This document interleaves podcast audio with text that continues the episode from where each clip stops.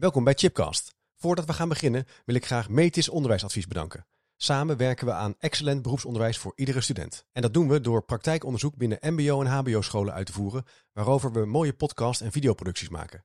Kijk voor meer informatie op www.metis-onderwijsadvies.nl of check natuurlijk chipcast.nl. En vergeet ook niet de boekenkast van Chipcast te checken.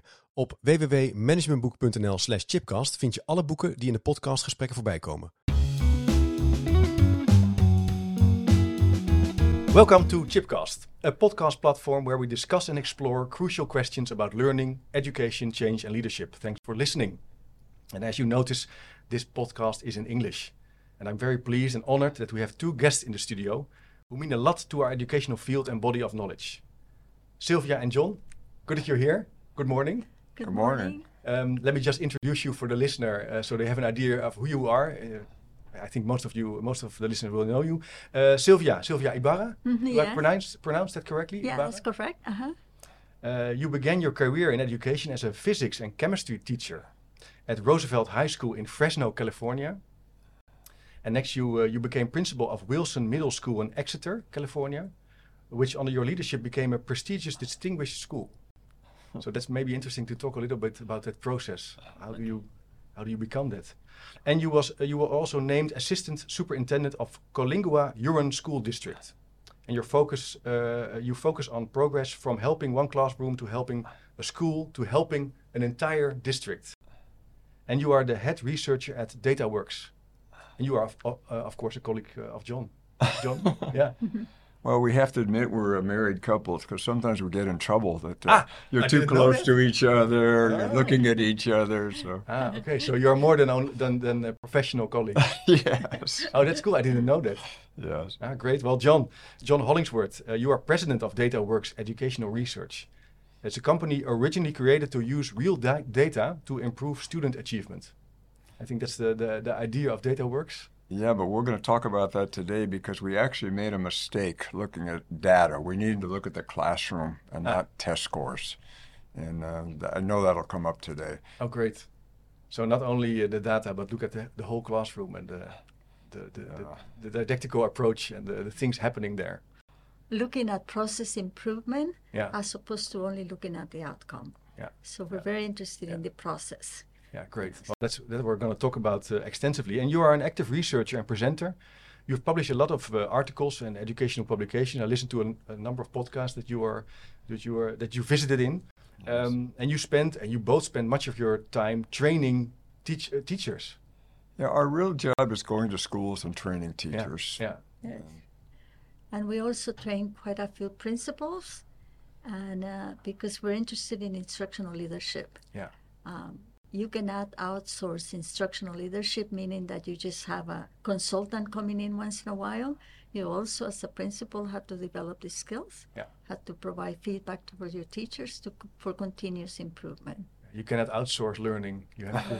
That's an interesting Yes. statement Oh, already. okay. But you, uh, uh, you also wrote this book, Explicit Direct Instruction: The Power of the Well-Crafted, Well-Taught Lesson, which is, I think, a, a- famous book uh, and- and was translated also in the Netherlands. Yes. Uh, and I, I said something in the beginning that it was lying on the cupboard of my my parents, and my mother is a Dutch language teacher, my father is a physics teacher, and he said, "Well, you have to read this book. it's, it's so interesting." And and then I I, I, I I got to know Marcel and got to know your work more, and, uh, and now you're here. So uh, it has a, a, a different color than the book of Marcel. When did when did you when did you uh, wrote it? The Write it. original one, I think, was 2009. 2009. And that was 2017. And he came in in the middle someplace with the first edition, the yellow one. Yeah. And now we're in the second one with the blue one. Okay, great, great. Can you can you share a little bit about your your, your professional background, maybe leading up to uh, the culmination this book, but also y- y- the focus in your work? Well, like um, ever since I was born, I knew I was going to be a scientist. And actually, I worked as a scientist for many, many, many, many, many years. But then we moved to Fresno, and I got, couldn't find a job as a scientist. So I went back to the university and I asked them, What is it that I can do? And they said, They're always looking for science teachers. so I became a science teacher. And then, with my background, because I used to work uh, in process improvement, uh, we used to have quality circles. So it's looking at data, the outcome. And I was telling John, whenever I look at some of these classrooms, I just do not think we have optimized the process of teaching. And so I'm very good at writing grants, and I used to write a lot of grants, and I used to get a lot of grants to get additional money to do all the research. And uh, I went back to the university and I got my doctorate. And John did all the data processing because he's an engineer, but he knows how to do programming. So, Ah, and then all of a sudden we started looking at the classrooms, and we got a lot of uh, research money to do about 120 schools. Well, we work with uh, you know, probably 100 at least to begin with, but the big focus was test scores. And you know, you have national tests, and you, you uh, you've got them on the internet. But back when we started, those test scores were not on the internet. They had the raw files, but the schools could not process the files. And I was a strong programmer, so I could read the raw files from the company and generate uh, the graphs. We bought the early color printers. There weren't too many at that time. And someplace we worked with 600 schools. But we went out to schools and said, this is your test scores. This is male, female, high economic, low social e- economics, and all that. And one day a principal said, don't show me the test scores. Show me how to raise the test scores. And I looked at Silvia and I said, Silvia, we're in the wrong business. DataWorks, we're a room of programmers analyzing outcome. Yeah. And we started thinking about process improvement right there. I said, we've got to look at what's being taught and how it's being taught. Yes. So we started looking at uh, time on task. Yeah. We started looking at uh, the process of teaching. And then we were looking carefully at uh, are we actually teaching different standards for different grade levels? Mhm. And we collected uh, how many millions of student work? Well, we ultimately went through 2 million student assignments. Whoa. But I have to tell you, the first one, we collected the student work from the school. We said, collect every single piece of paper from every student for a week. And we had just boxes at our house, and we were looking at these. Oh, this got a high score, a low score. We were tallying the scores. And I don't know if you have standards, but in the United States, we have standards per grade level. Yeah. And we said, why don't we get out those standards that we've never even looked at before? Let's look up this assignment. So the kids were doing expansion of numbers. 937 is nine hundreds plus three tens plus seven ones. I said, that's got to be in the standards someplace. So we look in there, oh, it's right here. Uh, second grade, uh, expansion of numbers to three digits. That would be, you know, up to the 900s. And I said, Silvia, what grade level did we collect that in? And she said, sixth grade. And I almost froze. I said, We have school reform. Sixth graders are getting A's on second grade work, and it's going in the report card. And then when they take the test scores, they're, uh, they're so far out of sync. So it was a real breakthrough. Said, We finally have something for school reform besides work harder. It's, we're too far out of sync with Yeah. what we're doing. And felt what could happen, the high school was being taught about the eighth grade level. Yeah. And the sixth grade was about the third and fourth grade level. And there was this big, we call it the curriculum gap between the grade level the kids were in. And then we were up to 2 million assignments, maybe 1,000 schools, 1,500 schools. So that was our first big push in process of movement was to get on grade level. I think it's uh, sort of a, a hidden, hidden secret, sort of an insight that emerged by using the data. Is it is it important that schools learn and know how to use and interpret data? Is that something you are Yeah, but it has to be actionable data. actionable data? Can, Yes. can you explain that? What that means is that uh, we have a lot of schools that collect a lot of data. Yeah. They present it, they go to the board meetings, every, but what they do not do is do something with that data to make it better. So that's what we try to train them. We have uh, uh, data collection uh, protocols that we uh, tell principals how to actually collect data so the data is improving. For instance, if we go around a classroom and we do not see checking for understanding, there has to be something that we have to do in order to have the teachers check for understanding more often because we know that checking for understanding is a continuous process in the learning. Yeah. And uh, but of course, teachers. The reason teachers do not check for understanding is because either they do not know how to do it, uh, they know how to do it, but they will not do it, or there's just lots of different uh, Yeah, variables or variables. Yeah. So we have to make sure that if they do not know how to do it, they need to be trained because we cannot ask teachers to check for understanding if they do not know how to do it. Checking for understanding is a word that is used in education. The only problem is that college professors they tell us check for understanding, check for, but they forget to tell us how to do it. Yeah. So we know that it is important, but you don't know how to do it, and teachers Yes. lack Yes. tools how to do it. And the, the, the point of actionable data is you need that in order to uh, cr- create awareness and focus on what to improve. That's right. Yeah. and that's then- something I, I can. Uh, you see this in classrooms often. Yes. Uh, there are a lot of ideas. And, Yes. and, and indeed, there's a lot of data. yes. Last week I was at a school and they were analyzing data, and I was, I was a little bit uh, uh, set back by it. There's so so much. Yes. This program, this cloud uh, document. Right. uh, Yeah. But what? Where to start? yeah. It Yeah. can be a lot. yeah. You Look, have. we started, we were surveying teacher surveys also as part of a reform, and one of our questions was, "How do you check for understanding?" Yeah. And the answers were, "I look at the quiz on Friday, I look at the homework," and almost nobody said, "I ask questions while I'm teaching." Yeah.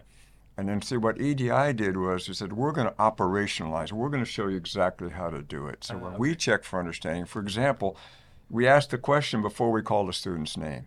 If I call your name first, okay, here's the question. Everybody, listen up. I'm aware. You're the only one listening. I said, Yeah. now I have a question for the whole class. How do we solve problem number one? Now everybody's thinking. So that idea of what ask the question before you call someone. And then you know one of our strategies is pair share. Yeah. So every question I've given the question, and I want you to turn to your partner and explain to your partner how to do it. And then I even give the sentence frame.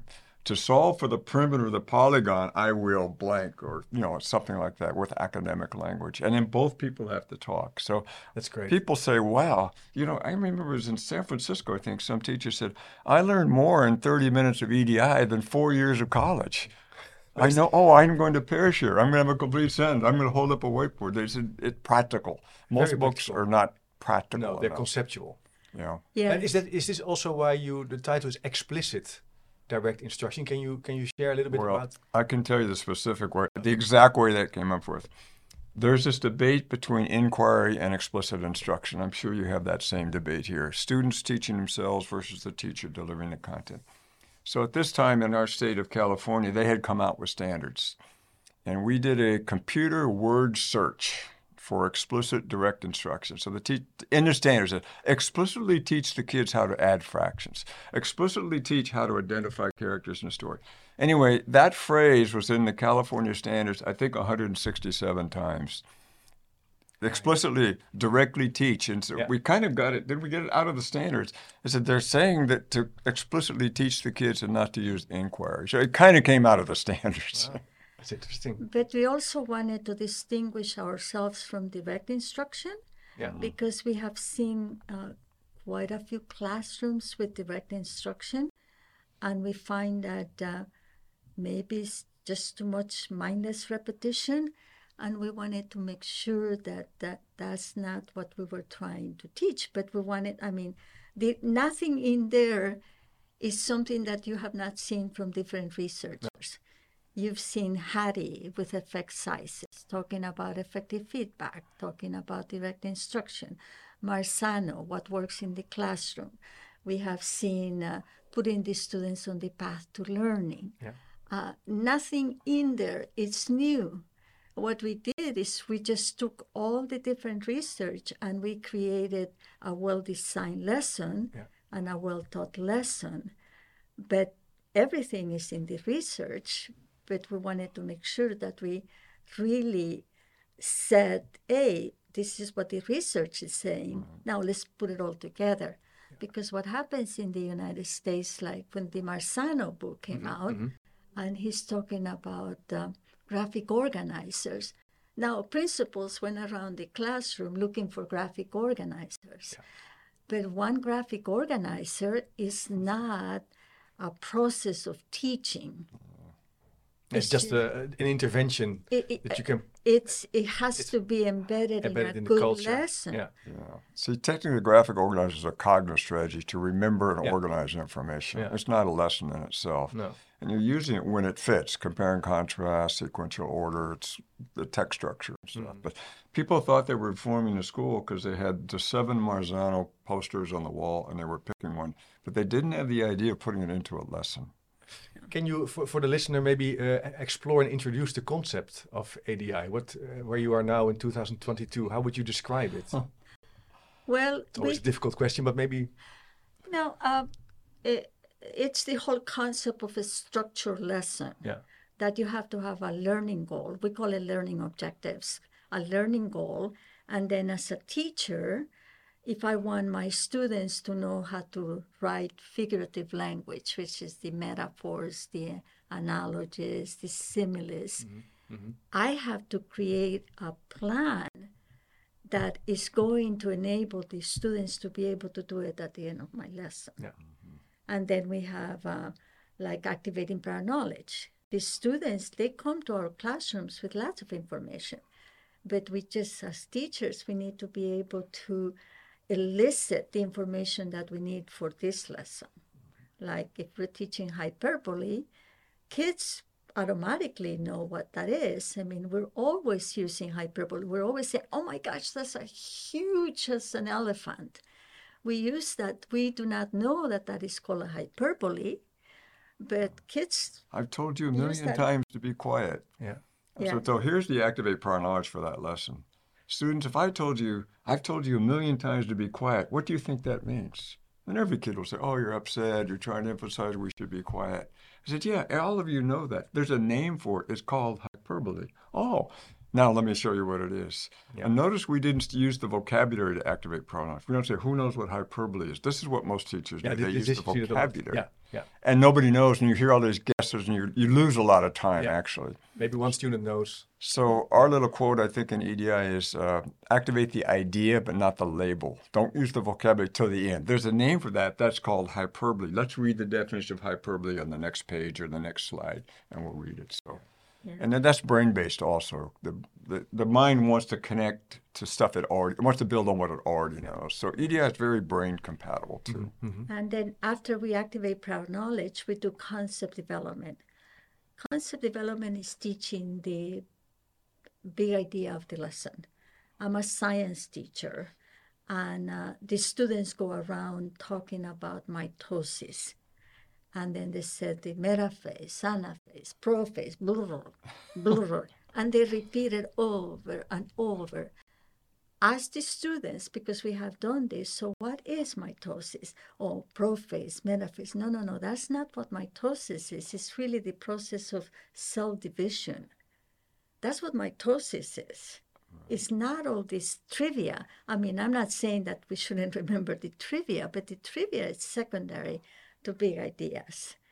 Uh, the students go around multiplying numbers with volume. You've seen these Oh. I was in this classroom. Volume, length times width times height. Length. Here's the thing: it's two inches. Oh my gosh, it's two inches by five inches by something, and the kids are all multiplying. And finally, I got up and said, "We need to back up a second. Volume is not length times width times height. Volume is the space inside. We never said we're measuring how much is inside this this box or container or swimming pool or room or something. It's very specific because you feel the difference eh? while you are say, say, while you are saying this. You feel volume inside is something different, different than Then the multiplication. yeah. yes. I can give you one more. We've all calculated uh, the circumference of a circle, pi d, Yeah. 3.14. So one of our cl- worksheets we collected were 24 circumference problems. Okay, the diameter is 2, it's 5.8, it's 6 and 7, it's 1 and a quarter, blah, blah. The kids multiplied 3.14 times a number 24 times and never connected it to a circle. It just said calculate the circumference. It's, it's a multiplication lesson. And the, the students really do not know that they just found the length around the circle. They it's just beyond. Yeah. So um, and that's going back to professors at the university to teach conceptually, teach conceptually, but they do not tell you how to do it. No. that you have to have good definitions, you have to have good examples, you have to have known examples. because uh, whenever we're looking at the known examples, we're trying to undo misconceptions. Like whenever we're, ti- we're teaching the students about uh, right uh, triangles, Mhm. you have to know that the Pythagorean only works for right triangles. So you have to give them a known example. If you don't have a right triangle, this will not work.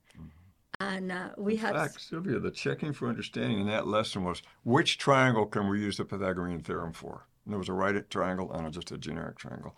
We have a videotape of a girl who selected the wrong one. Okay, and uh, there was a whiteboard, so we called the correct answers first, and then we got around to the second one, and said, "So why did you pick the second one?" Oh, well, if we would just put the little box here and write 90 degrees, then we can use it.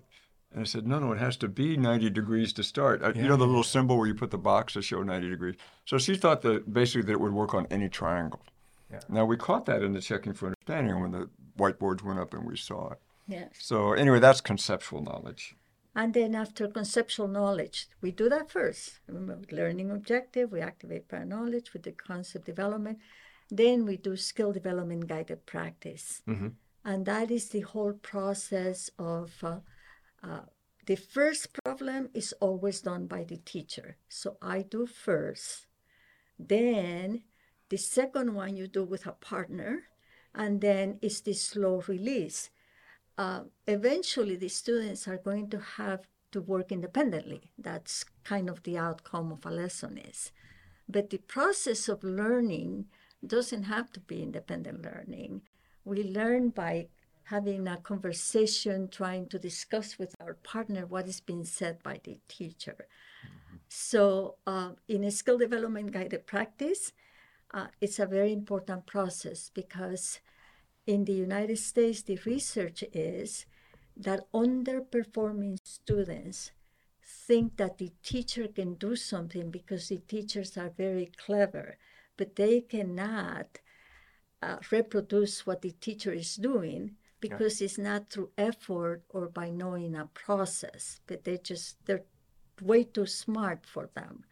So we train the teachers to do modeling, meaning that I'm going to have to tell you my process that I have so I know what the solution of a equation is. How do I know that? How do I know which is the variable? How do I know that these are like terms that I need to now add up? How do I know that as a teacher? And uh, what we find in the classrooms is sometimes teachers are trying to look for a metaphor. Yeah. And then they say, oh, this is the metaphor. Yeah. So if I'm looking at you and I'm the student, I have no idea what process you use to oh. find the metaphor. Oh, this is so classic. The teacher puts the answer, but remember in EDI, the checking for understanding questions. So students, how did I identify it? Yeah. And if they can't tell you, it's because you didn't model your thinking. No, you you- said, oh, there it is, sentence number two. Yeah. Okay, or a math problem. Oh, the answer is 12, x equals 12. But you didn't explain how to do it. So the very specific question in skill development is the question is always, how did I do this step, or how did I solve, or how did I identify it? And the teachers, they know the stuff so con- so well, they don't think they need to explain. Well, of course the noun is this. Yeah. Of course x is 5. But the kids are not at that level. How do you learn this as a, as a team or as a teacher to do this, this, this eh, modeling? Because this is very cru- uh, all the phases are crucial, but I can imagine this is something It- difficult to, It's very difficult to to, learn, teach. to teach. It was very difficult for us the way we learned it ourselves. We went into the classroom and we videotape ourselves. Mm. And I I want to pay thousands of dollars for all those videotapes because of all the mistakes that we were making. Yeah. We just didn't know how to do it. No. So we will take it back to the office and then we will have a group of our colleagues and they will be looking at me and thinking, What did you do that for? I don't know. I mean, I was just thinking. Yeah. And then, But so- Silvia, it was beyond that. It was Silvia came to me one day and said, John, you and I are going to go teach every grade level, every content area. And I kind of got like, yeah, we're going to go out and use EDI and do all of it. Yeah. And we're going to video it. And we're going to start do it.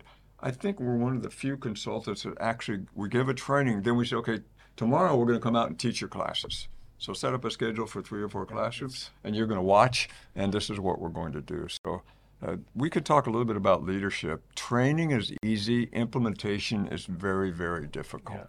So, a real reform includes the, the teachers in the presentation is what they call the awareness level. Oh, they Yeah. know the phrase guided practice, checking for Oh, they know to pull sticks.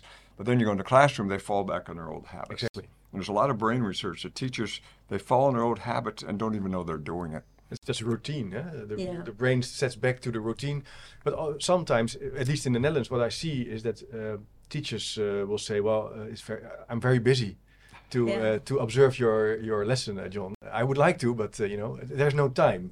There's no Yeah. priority. This is also this is a leadership question also in in implementing. It's a leadership, the mechanics is a problem. I mean, Yeah. the way we do it, we bring in substitute teachers.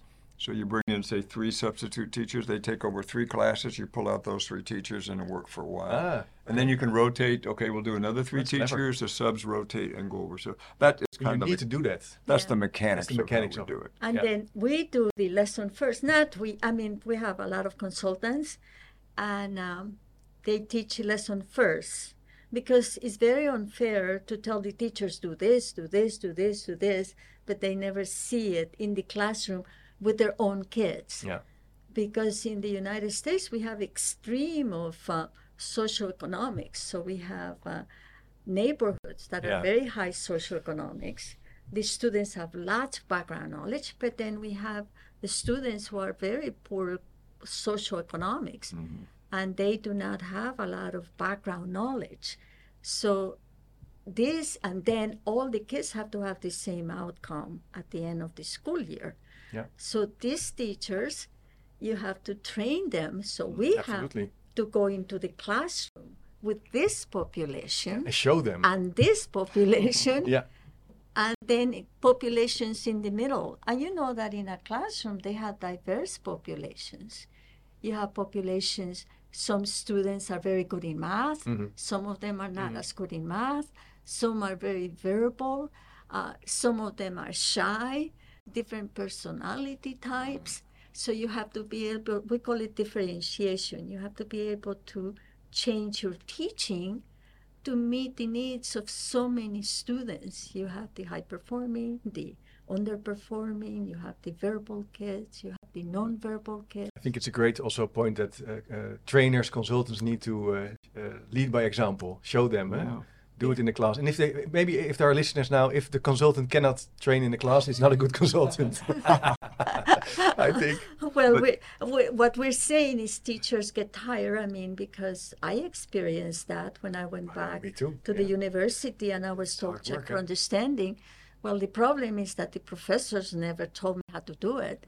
So I came out, do you check for understanding? Yeah, I check, but I just didn't know how it was done. But Silvia, let's go back to the classroom uh, demos. We teach the lesson while the teachers sit in the back and watch us. Yeah. Then we have a little debrief. Says now we're going to go next door to another classroom, and you're going to teach the same I think lesson. it's great. And teachers are so nervous. They've been Yeah, yeah, teaching know. for 20 years. They almost can't teach. So I said, okay, you'll do the uh, objective. You do activate prior knowledge. You do guided practice. Okay, I'll do part of concept development. You do guided practice. We kind of split it up. So each teacher only teaches for a little while. But we stand right up there next to them. Yeah. And so they say, okay, students, can you write this on your whiteboard? And then we'll say, have them pair share. Oh, yeah. Explain to your partner how to do it. Let me call, have them hold up the whiteboard. Oh, yeah. Hold up your whiteboard.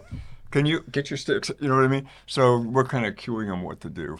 But it And- also makes it more fun in in a way, more more uh, doable, and you get help. Like it's it's close. It's, it's coaching on the job in a, in a way. It's just Well, the teacher, they're ready to have a meltdown. I Yeah, said, yeah, I'm I going to be right imagine. there. What if I freeze? Don't worry. I'll just say, kids, let's look up here and read this. But don't you think it's funny, John, that, that we are, uh, because I see this in the Netherlands also, that there are a lot of schools where it's not normal that you visit each other, that you look at each other's Yeah. class uh, uh, lessons. Same thing. At university, this is But especially uh, also a very big problem. I can Because give you a funny story on that because I went to a school and maybe I go around, I see all 20 teachers. They're just short visits, like five or six minutes, but over a day or two, I've seen everybody. So I come back, I give a report. And the teachers say, Well, what do you know? I've been teaching you for 20 years. I said, No, I just saw every teacher in the school, and this is what's going on in the school. Yeah. I, I don't want to be mean, but I said, You've seen yourself teach for 20 years. The teachers have never seen the teacher next door. You've seen yourself teach, yeah. I Uh, think it's a good amazing. Yeah. Yeah, I think that this is this is uh, an And we- important point. But we we- start taking the teachers now in rounds too. Yeah. And even when the, when we do the lesson Yeah. demo, they're watching just three of them. They say, Yeah. "Oh man, I learned so much," Yeah. and they learn two things. Man, I'm going to use that, and then someone say, "Oh, I'm never going to do that." you know, they But it's kind of also, see it. it's also important to, to show interest uh, as, a, as a school leader, school teacher, uh, school Right. leader, to visit uh, your colleagues, to see what's happening. I think that's also a point of showing interest and giving feedback. If you don't get feedback, somebody's not in, not investing in your development. So it has also a downside of, like, sort uh, uh, n- n- uh, verwaarlozing in Dutch, um, neglect. Like uh, you don't care. You just Yeah. And we call that type of coaching, we call it in situation coaching. in situation coaching. Yes. Yeah. That means that Yeah. is right on real time. Yeah. Because uh, in the United States, and we did a study on this, that the principals used to leave behind a little piece of paper for the teachers or an email, Mm-hmm, Uh, check for understanding more often. Well, if I do not know how to do it, I don't care how many times you tell me to check for understanding. But what we found that if we saw the opportunity for checking for understanding, and we would tell the teacher, let's check for understanding, we will put up a whiteboard or we would come in and actually uh, check for understanding ourselves, then the teacher will make the association. Yeah. But leaving behind a little piece of paper It's not enough. is not going to uh, help the teacher because I'm not doing it because Yeah. I'm going against it. I'm not doing it because I might not know how to do it. But we have the research on that now. There's a famous research study, Joyce and Showers, you can look up on the internet, but of, of, of training, only 5% of teachers will go out and do it. D- uh, Sit and, you know, sit and watch a present. It's 5%. And you do some videos or demos, you can move it up, but you get 90% within situational coaching. Reform will not go without it. So when we talk about instructional leadership, if you don't have coaching in place, Forget about it. it's almost a loss. The training is almost a loss. Yeah, it's it's hard for teachers to implement what they have not seen actually done in the classroom. Oh, the funny part, I remember one time they says, John, oh yeah, we're doing all this stuff. And at the end of the demo lesson, they say, oh, we're not doing it. I think it's also a critical reflection in the Netherlands. We spend a lot of money on trainings, on uh, we call it in Dutch studiedagen, like days, like professional days. Yes. right? And most most of the time, a lot of schools, uh, there's inspiration. There's a good uh, somebody wrote a book. They talk about education, about change, and then everybody goes on to uh, normal business. And you're saying something very uh, uh, confronting and important. It needs to happen in the classroom. You need to have data. You need to follow the steps, and you need to have in, situa- in situational coaching to emancipate the teacher to help him or her to do better. But so this this is about about going through the. we, we started by our conversation about what are the steps, and we're going. We're I'm a chaotic sideways. interviewer. so Yes. but, but um, I, I guess we're chaotic too because we're going in different directions. So we have that's the double chaos here. But maybe uh, so you, you, you shared a little bit about uh, guided, guided guided practice about in situational clo- uh, uh, coaching, um, checking for understanding, obviously. Uh, uh, how do you look at, at, at for instance, testing uh, uh, children, like taking exams in the Netherlands? Testing now is uh, is strongly associated with stress. With uh, we should have Well, less tes- testing. How do you look at Testing is everywhere. I'm over the debate of whether we Ah, should have okay. testing or not. The United Okay, States has big national testing now. Yeah. and we've had it for years. And the big pressure is they have these goals, and the students are supposed to move up. So most schools are under tremendous pressure to raise test scores. And principals are fired, they move, they change their district. So we're not going to get away from that. No. The problem is the approach is completely wrong. The main approach is work harder. There's never a strategy. No. If you came and said, work harder, but how about you say, we're all going to get whiteboards and use them starting tomorrow? Oh, I can do that. So EDI is very specific. Uh, we'll pull non-volunteers. We'll read the objective. We'll have a design, well-designed lesson. And the other thing is we need to be in sync with the, the content. So if we're teaching off grade level, it, it shows up in testing too. So we're not anti-testing. And Well, then- we're anti too much testing because a lot of these uh, schools in the United States they test every Friday, Yeah. every and that uh, to me it's it's over testing yeah. because but we are looking at you see we take a look at testing as being the outcome of a process. Yeah. So our idea is you cannot improve the outcome unless you optimize the input. You have to optimize the input to the so that's our work. Our work is really looking carefully at the input. Uh, do we have time on task? Meaning, what are we doing in the classroom? Is that productive for all the kids? Yeah. Uh, we have a lot of activities going on, and that takes up a lot of time, but we don't know what the activities are supposed to be teaching the students. Uh, we have a lot of um, uh, other uh, classroom, uh, what we call attention grabbers.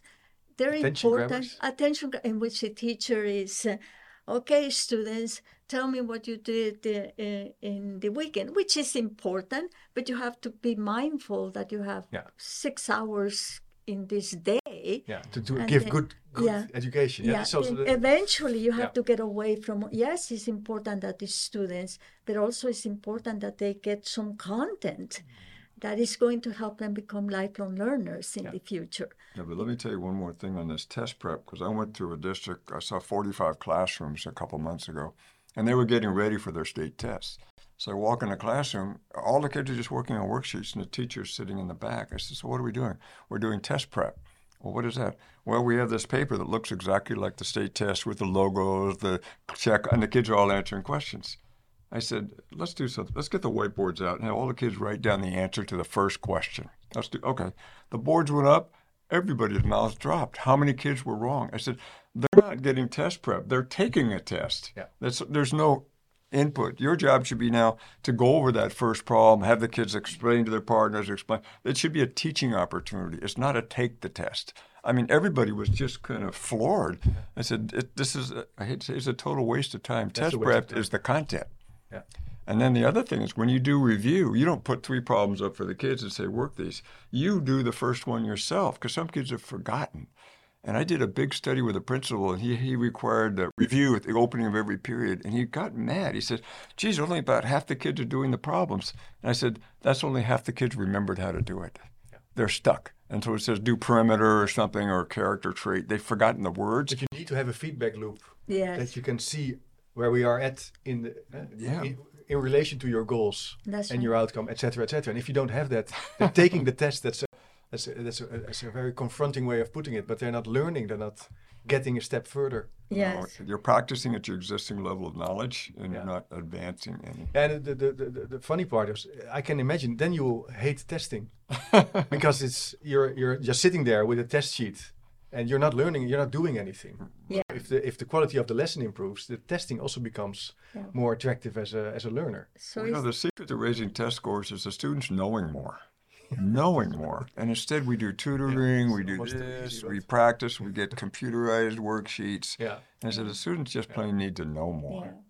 yeah. That's the effective lesson. Actually, one of the things, and I have forgotten whether we really um, emphasize, EDI is really teachers making decisions as they teach. Teachers as decision makers. Yeah. You actually use checking for understanding as a method of seeing whether if the students are learning it really fast, Yeah. then you put on the accelerator, you go a little faster. Because we're not saying use EDI to bore the students to death. well, you know, I'm going to say it again, and I'm going. No, that's not what No. EDI is. Is this medium of we check and then we make decisions, Yeah. And then. But if the students, you know, the nature of learning, we have some learning that is much more easy to learn than other learning. Uh, maybe uh, science is said that it's like a foreign language for everyone because we don't go around talking about molecules or atoms or viruses. I mean, that's not part of our everyday language.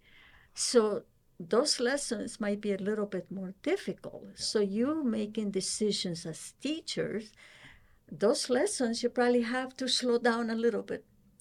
But there's some lessons that are relatively simple, like geometry. Geometry doesn't take a whole lot of, many times, a whole lot of arithmetic. Mm-hmm. And the kids enjoy geometry.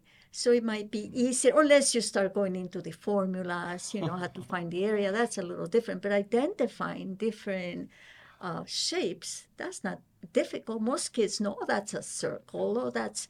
But the point that you you're a making also- faster. As a teacher, you have to make decisions continuously during your hour or 50 minutes. And Yes. Mm-hmm. you need a structure and a way and a philosophy. decision- yes, making decisions as you teach. Yeah, Otherwise, Otherwise, because teachers said, "Oh, I don't want anything that is scripted.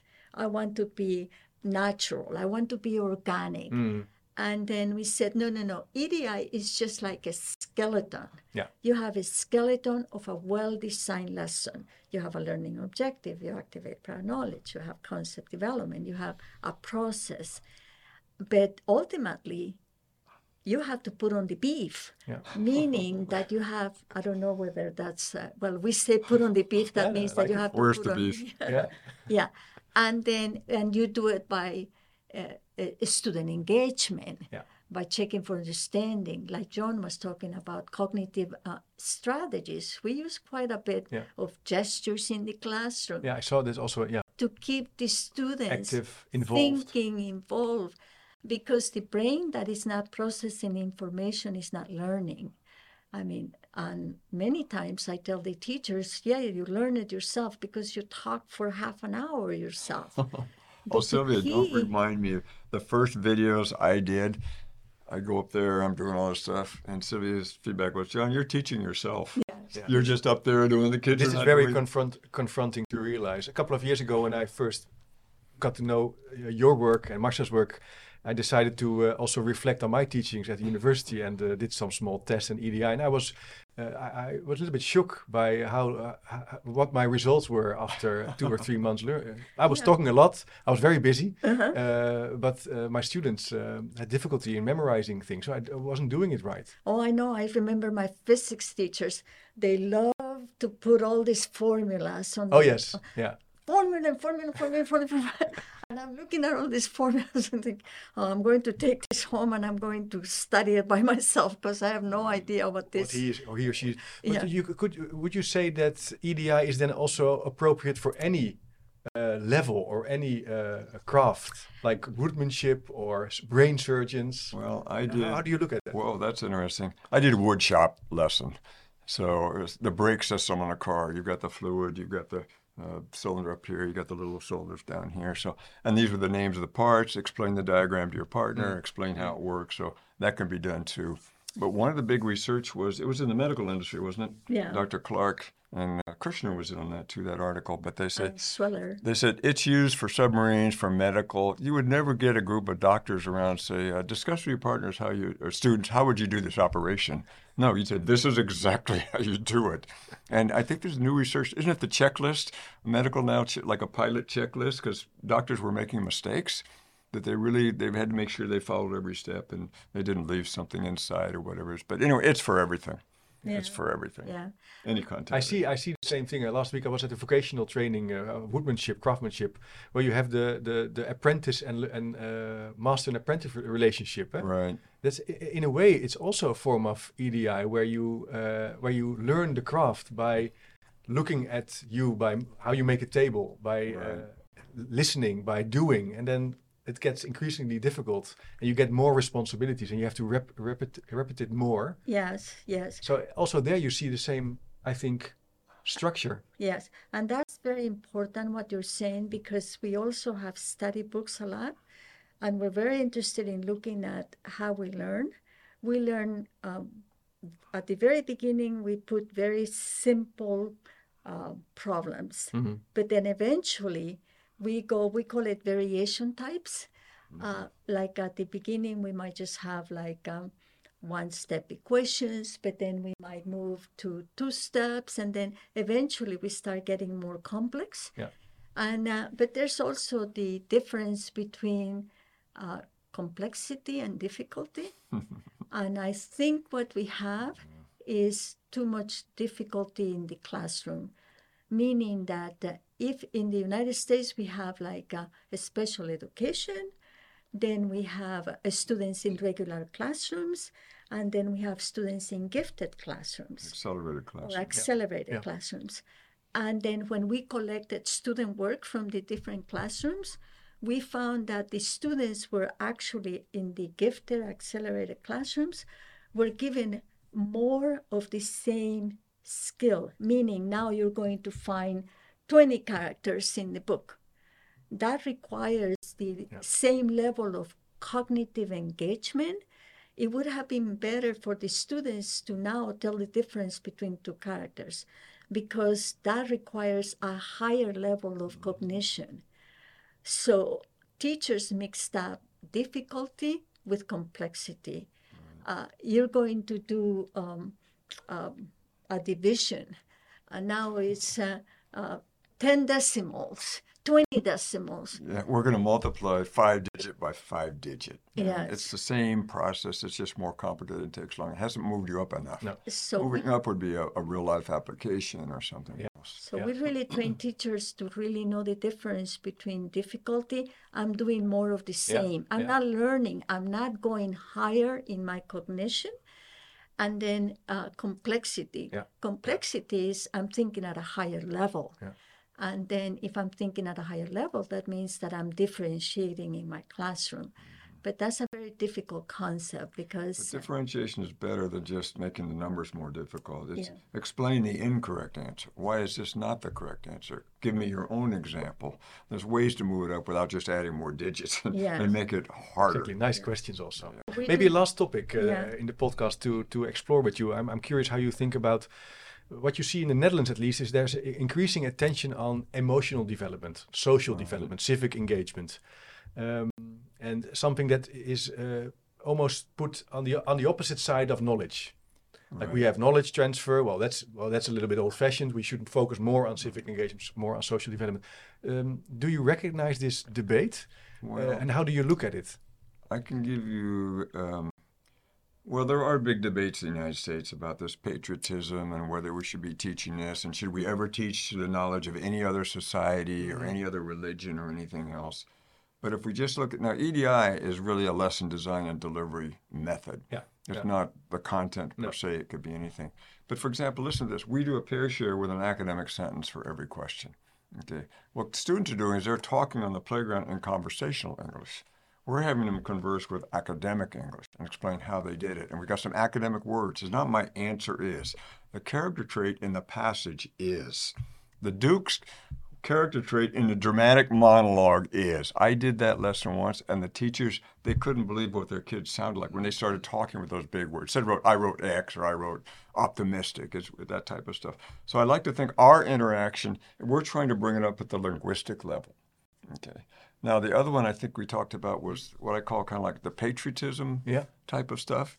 Now there are standards in the United States to teach the the symbols, you know, the flag, the different stuff like that. But that's an EDI lesson. Symbols represent emotions and ideas of the nation. For example, the flag represents the blood loss, the the battles of the states, or whatever it is like that. So that's a lesson that's part of a standard. But we're not teaching uh, patriotism as a. None of this is actually an EDI. EDI is just a method of design and delivery. And in the United Yeah. States, we have a big um, battle with uh, is this developmentally appropriate? And our contention is that we have the standards, and we don't believe that the standards are ideal. I mean, you know, I've seen different ones, and more than likely they're probably universal. If I were to tell you here, when do you teach one step equation, hmm. more than likely you're going to say fourth or fifth grade, maybe sixth grade. I mean, you're not going to say, oh my gosh, that's not taught until the, the That's a silly idea. Or, no, no. More or less, they're Yeah. what we call universal standards. We have seen them in China, we have seen them in Australia. More or less, they're the same. So, what I tell teachers when you talk about developmentally appropriate, and this is just Silvia's opinion, is you're talking about something that is biological applied to education. Mm-hmm. And in education, what is developmentally appropriate doesn't work anymore because we have standards. And I mean, if the students in Beverly Hills can learn this, that means that these kids here can also learn it. And that's the study that should be done. So don't tell me that this is developmentally appropriate here, but not here. Now, we understand that biologically speaking, yeah, we have a window in which we learn how to crawl or we learn how to walk or Yeah. we learn how to speak Yeah. and we are more um, attentive to our listening. But uh, I think that has been misapplied to education when teachers tell me, oh, it's not developmentally appropriate. But that only happens in underperforming schools, at least in these states. And that has been our experience. But if we go to very high performing districts, teachers will never use that as is developmentally appropriate. No, we're teaching the kids. Yeah. But, But uh, I think we need to add It's a great more way, thing. great way of looking at it. I don't know. I mean, my, Yeah. Well, I'll give you two you might examples. edit this, but I mean, no, we're we're not editing it. I was in Australia, and there's Yeah. a lesson in Australia. It's uh, year five. All all stories must start with the people, the place, and the problem. I said, okay, let's do it, students. All stories must start with the people, with gestures as one. The people, the place, and the problem. Let's say it again: people, place, and problem. Now, show the gesture to your partner. People, place. Okay, now let's look at the story. Joe and his father went in a canoe. An alligator came on the river. Oh, let's look at the, what happened. Joe and something, the canoe, the river, the alligator, the problem. Right, so then the next day, the principal came and says, "Oh, you can't believe so and so in my class." He ran up to me and said, "Oh, every story must start with the people, the place, and the problem." And he learned all that. And I said, "Oh, yeah." And the next thing he said, "He can't. He's a fifth grader, year five, and he can't read." And I said, "Yeah, but he's still got the whole content of the lesson." So let's separate sub skills, usually which is math facts, addition, you know, and reading fluency with conceptual knowledge, and especially in high school. All kids have a high school brain in high school. They might be poor readers, they might not know every math fact, but they can think at the high school level. Yeah, so yeah. one of our big thing is we're always going to teach at grade level. Let's not go down here. I had a special ed student in this principal lesson. How did you do on the state test in math? Now this is high school. And he said, I've only been taught addition and subtraction for 12 years. And I just, I just wanted to cry. I said, no opportunity. You can be taught geometric shapes. You know what I mean? Oh, let's get this one back, the cube. geometric shapes, you know, even probability, Yeah. statistics. I mean, there's all Don't kinds stop. of stuff you No, can do. no. And we've just, we've limited them down to, we're just down too low. So one of our rules is always, I just call it jump the grade level. Jump the grade level. That's great, guys. Thanks for having uh, taking the time to visit the podcast uh, about your wonderful book, Explicit Direct Instruction. I think we can talk for hours could. ab- about this. Um, it's so interesting. Uh, it reminds me of a sort of um, uh, it's an infinite po- way of possibilities when you look at your your craftsmanship based on EDI. eh? You can do so many things when you uh, when you learn, when you reflect in a team. So I really hope that teachers and school teachers and school leaders are listening to this podcast, start. Uh, uh, implementing um, uh, this philosophy because maybe it is it is a way of philosophy, an, an approach, a method. yes, yes. Um, you're here all week, eh? In the Netherlands and visiting schools also. Yes. So that's cool. Yes. Yeah. And one thing that is important to teachers to remember this is not changing their personalities because No. teachers tell me, oh, my personality is, I'm a little nerdy. Yeah. Nerdy means because I'm a You science person. Yeah. And but that doesn't mean that I cannot learn the skill of checking for understanding. Yeah. So, uh, and that's a big difference. We're not trying to change, but we're just trying to develop a set of skills Yeah. so we ourselves can be successful as teacher of all kids, not only a certain population, because those kids are easy to teach. That's great. Thanks. Uh, we mentioned uh, some uh, uh, references and literature. I will put them on the website if you're listening now. You so check out uh, chipcast.nl for uh, for more uh, background articles and information. Uh, don't forget to subscribe on the podcast. You can do that on chipcast.nl also, and uh, keep checking the YouTube uh, feed for more podcasts. Uh, um, so uh, that's that for for the podcast. Uh, John and Silvia, thanks a lot for your time. And uh, if you're listening and you are in Dutch, you can order the book in Dutch because Marcel has translated it EDI 2.0, 2.0. And I think even there's a book for middelbare school, VO, like uh, high school, is also coming up. So uh, Right. until next time, thanks. Nieuwsgierig naar meer? Abonneer je op de nieuwsbrief en je mist niks. Ga naar www.chipcast.nl slash doe mee. Wist je dat er op chipcast.nl meer dan 200 afleveringen over onderwijs, samenwerken, innovatie, verbetermanagement, leiderschap, organisatieverandering en filosofie te vinden zijn? Blij met deze podcast? Je helpt Chip enorm met een review of recensie op Spotify of Apple Podcast. Je kunt trouwens alle gesprekken op YouTube bekijken. En vergeet je dan niet te abonneren. Tot slot nog even dit. Managementboek heeft ook een podcast, De Boekenpraktijk, over managementboeken. Check ook deze podcast via je favoriete podcast-app.